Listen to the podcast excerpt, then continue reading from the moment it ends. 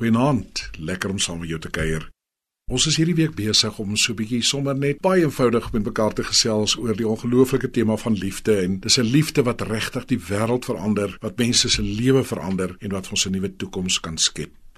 Sarah Brightman wat sê love changes everything.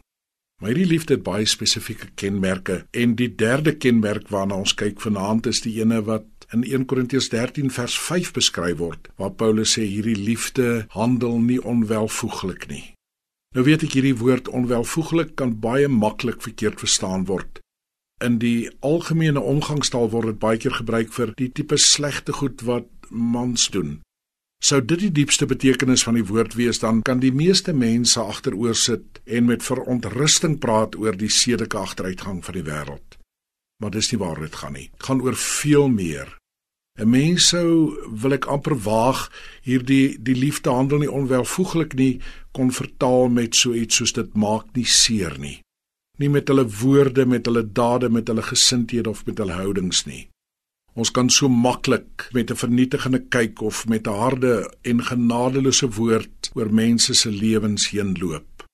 Met 'n onnadenkende opmerking laat ons hulle diep verwond agter. Ons kan so maklik met 'n fyn woord 'n streep deur mense trek. Die ergste van alles is dat as die ander ene sou seer kry en dit wys, dan is ons gou om te sê, "Maar ek het nie geweet dat jy so voel oor die saak nie en dat dit vir jou sensitief is nie. Ag, jy moes net vroeër gepraat het, dan sou ek so anders opgetree het." Wat ons eintlik daarmee sê is dat ek nie sensitief genoeg was om van die begin af van jou seer bewus te wees nie.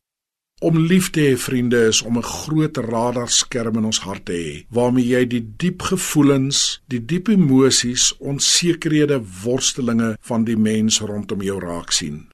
Liefde is in die woorde van die bekende rolprent, never having to say you're sorry.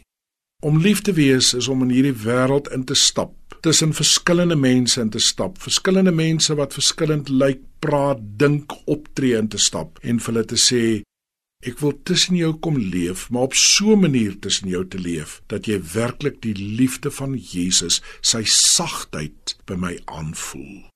Mag die Here vir ons so maak. Goeienaand.